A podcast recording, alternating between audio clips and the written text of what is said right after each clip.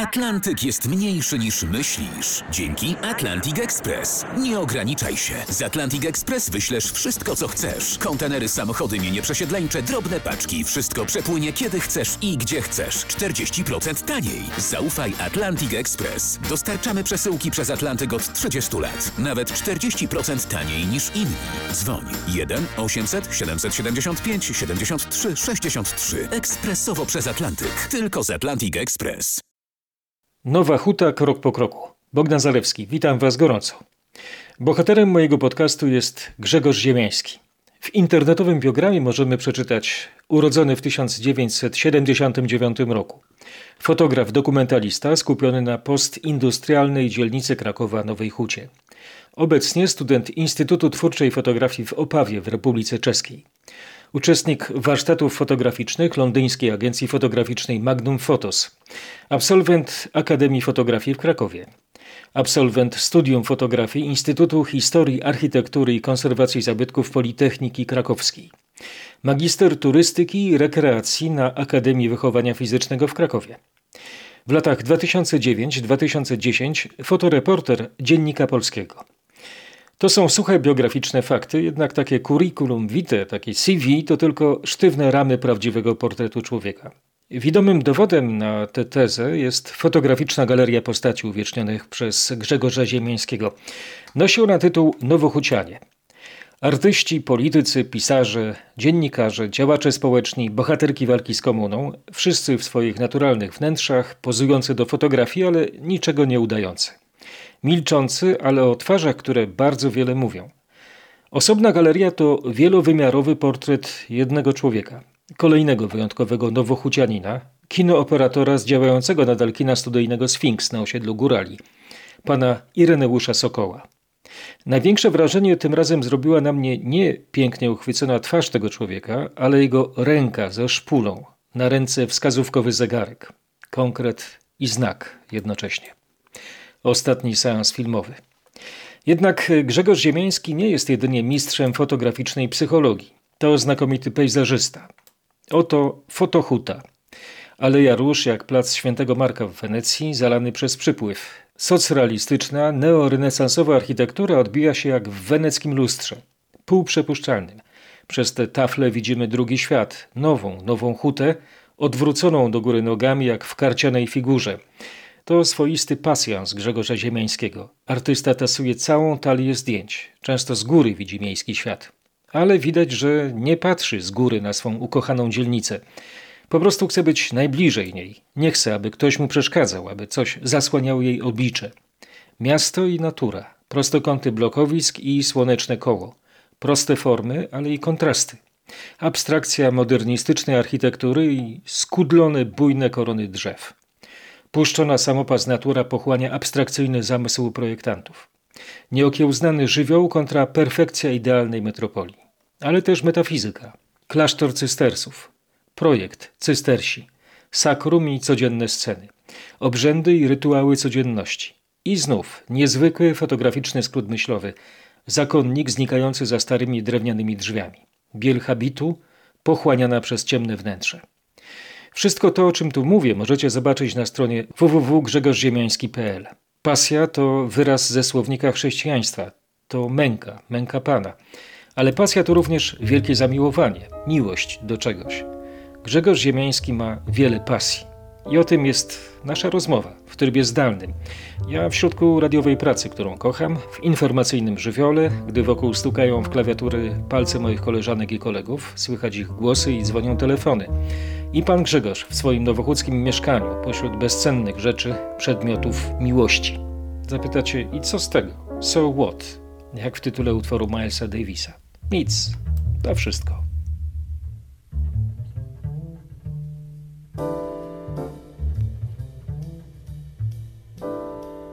Wie pan, kocham Nową Hutę, ale kiedy podziwiam pana fotografię tego naszego miejsca na ziemi na stronie fotohuta.pl, to moja miłość staje się bezgraniczna.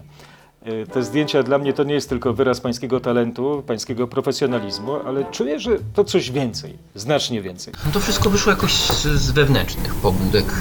Mieszkam w Nowej Hucie, tu się urodziłem. Mój dziadek budował Nową Hutę w moim życiu.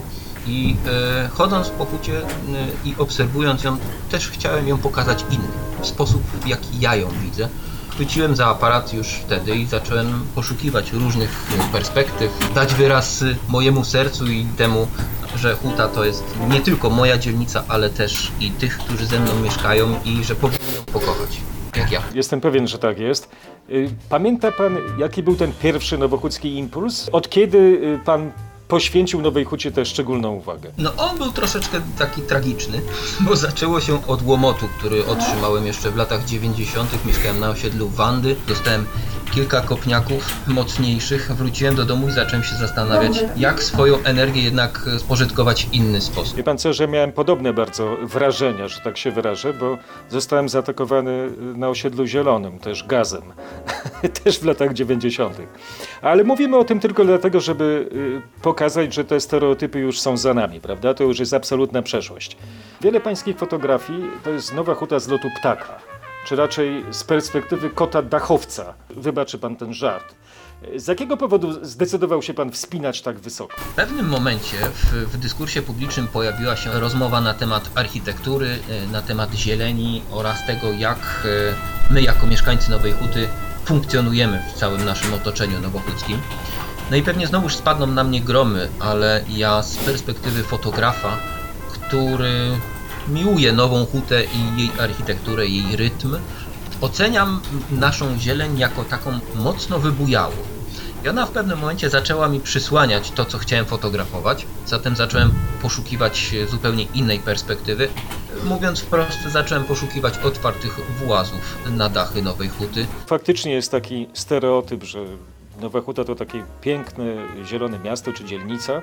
Y, Słyszałem taką opinię od y, historyka architektury, pana Waldemara Komorowskiego, który stwierdził, że ta zieleń w Nowej Hucie bywa taka przerośnięta. Tak, pierwsi projektanci rozplanowali tak hutę, aby ta zieleń, która między blokami była nasadzana, była pielęgnowana i systematycznie e, utrzymywana w odpowiedniej wysokości. Tę zieleń, którą teraz mamy, jest to pokłosie długich zaniedbań. Wyrośnięte krzewy, wyrośnięte drzewa, często nasadzenia w miejscach, w których ich w ogóle nie powinno być. I powielokroć zdarzają się opinie, w których nowochucianie mówią, że takie czy inne drzewo przysłania im zupełnie okno. Mieszkają na parterze i, i postulują o wycięcie bądź choćby przycięcie. Tak, są takie opinie.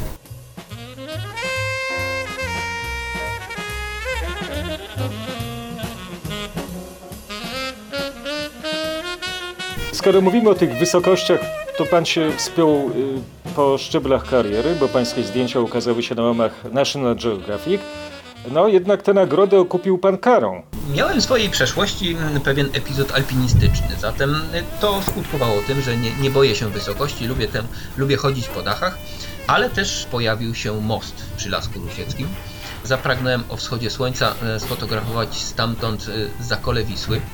No i oczywiście wspiąłem się na ten most, wspiąłem się na same przęsła, na samą górę. Zdjęcia gdzieś pojawiły się e, w przestrzeni internetu, no bo ja opublikowałem, chwaląc się nimi i ktoś je zauważył. Ktoś e, życzliwy doniósł do Straży Ochrony Kolei, że Ziemiański wszedł na ten most.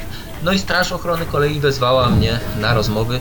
Na szczęście były one dosyć przyjemne, ponieważ rzeczywiście zdjęcia e, zostały opublikowane w National Geographic, zatem miałem mocny argument przetargowy, aby ta kara nie była bardzo dotkliwa. No, ja myślałem, że instytucja takiego donosiciela, takiego delatora, jak się nazywało w starożytnym Rzymie, że ona minęła wraz z tak zwaną epoką realnego socjalizmu.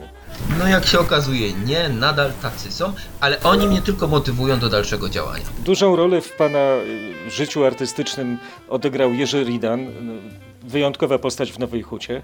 Y, Pana mentor, tak można to określić? Można, zdecydowanie tak. Przy okazji różnych działań e, w Ośrodku Kultury Norwida, właśnie tam pana Jerzego spotkałem. On e, realizował Nowochódzką Kronikę Filmową, potem kilka festiwali w Alei Róż i ja cały czas gdzieś tam się kręciłem, fotografowałem. Najpierw to była taka być może zwykła dokumentacja, ale potem przerodziło się w to w nieco bliższą znajomość. Aż w końcu poprosiłem pana Jerzego o to, abym mógł go sportretować. I on był takim pierwszym impulsem, przyczynkiem do tego, aby powstało coś, co teraz w przestrzeni internetu nazywa się Nowochódzianie.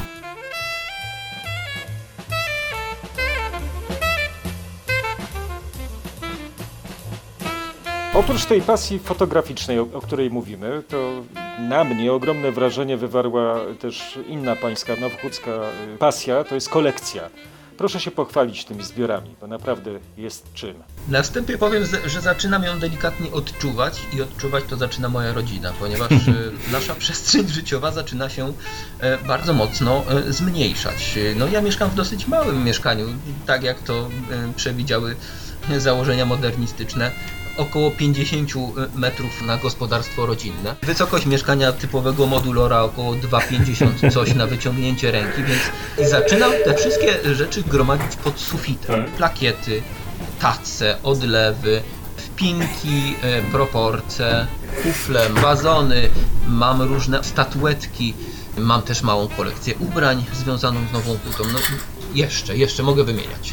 Ogromna żeliwna plakieta, tablica, która niegdyś zdobiła jedną z lokomotyw, które pracowały na kombinacie huty leniwe. Ona przyjechała do mnie z Bydgoszczy, ta, ta plakieta.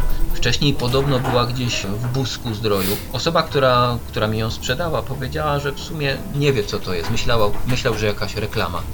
Natomiast no, y, ja z racji małego mieszkanka teraz ją y, właśnie w rozmowie z panem kopię nogą, ale to jest przedmiot, który jest wyjątkowy, ponieważ zdobiła ona jedną z najwyżej 60 lokomotyw, które w latach 60. pracowały na kombinacie. A co jest y, wśród tej kolekcji? No blisko 400 książek, które oczywiście traktują o samej Nowej Hucie. Coś nieprawdopodobnego. Wśród tych setek książek ma pan jakieś rzeczywiście białe kruki? Tak. Najlepsze wydanie Kroniki Nowej Huty Tadeusza Gołaszewskiego. Książka co jakiś czas się pojawia, bardzo rzadko. Niemniej jednak raz pojawiała się wersja w obwolucie. Absolutny biały kruk. To, co ja widziałem, co mnie zaskoczyło, to była kronika, taki dziennik prowadzony w Cepeli w Nowej Hucie od 50 lat. Są też rzeczy, które muszą być w swoim miejscu.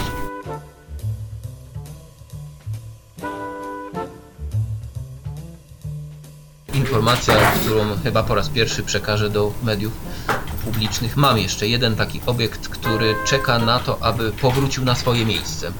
Otóż całkiem niedawno jeden z Nowochucian, właśnie w grupie Nowochucianie, pan Adam Ciastoń, którego serdecznie pozdrawiam, przekazał mi obiekt, który będę chciał przywrócić na swoje miejsce. Otóż jeden z żyrandoli, który wisiał w dawnym Empiku na placu centralnym. Przez te wszystkie lata leżał na osiedlu Zgody całkiem niedaleko komendy miejskiej policji, dawniej milicji. Już przeprowadziłem wstępne rozmowy z panią profesor Moniką Bogdanowską, która bardzo jest rada na ten pomysł, aby w jakiś sposób przywrócić go na tamto miejsce. Oczywiście zostałby on objęty ochroną konserwatorską i mam nadzieję cieszyłby oko Nowochucian. To jest niesamowite, bo właściwie te żerandole zachowały się w niewielu miejscach. No, w, we wspomnianej Cepeli, teraz Cepeliksie są, są te żerandole, ale obok, jeśli chodzi o centrum D, to jest y, kwiaciarnia nieopodal. Tak, a jeszcze całkiem niedaleko Papirus i tam też piękne żyrandole. Tak, tak, sklep papierniczy. Proszę powiedzieć, co pan zrobi z tą kolekcją, jeśli już y, to mieszkanie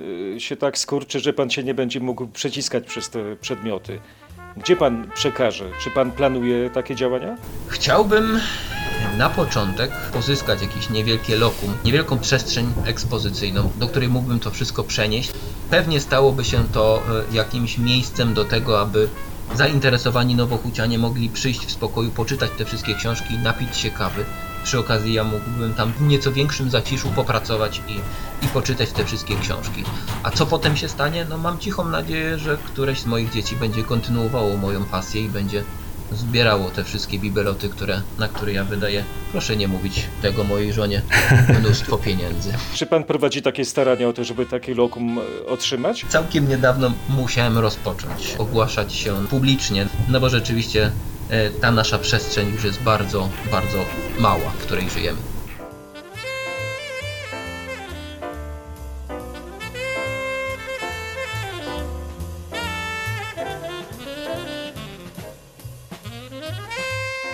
Mój wierszyk kończy podcast. Jakaś rzecz, dajmy na to, panu Grzegorzowi Ziemińskiemu. Ostatni saturator z Kazimierzowskiego z pierwszej połowy lat 80. albo syfon na stole z gierkowskiej dekady, na stole w kuchni na Złotego Wieku, z bezcenną z Peweksu puszką kakao z Holandii. tworzący martwą naturę w świetle jasnej kuchni. Ślepą na kalinowym już w 70. zamieniliśmy jak gomułkę. Syfon pozuje, choć żaden nie spogląda malarz. Ale czy musi go widzieć? Żeby ta rzecz do niczego nieużywana trafiła do malarskiego albumu, czy na pocztówkę z Muzeum Sztuki użytkowej, lecz nieużytecznej. Aby filozof mógł pofantazjować o obocznościach ontologicznych, a aukcjonerzy licytowali od zera, kończąc poniżej zera. Piszę wiersz i słyszę śmiechy Hulsa z huty. Te stary, wiesz, że złapałeś syfon? Wiem, łapię.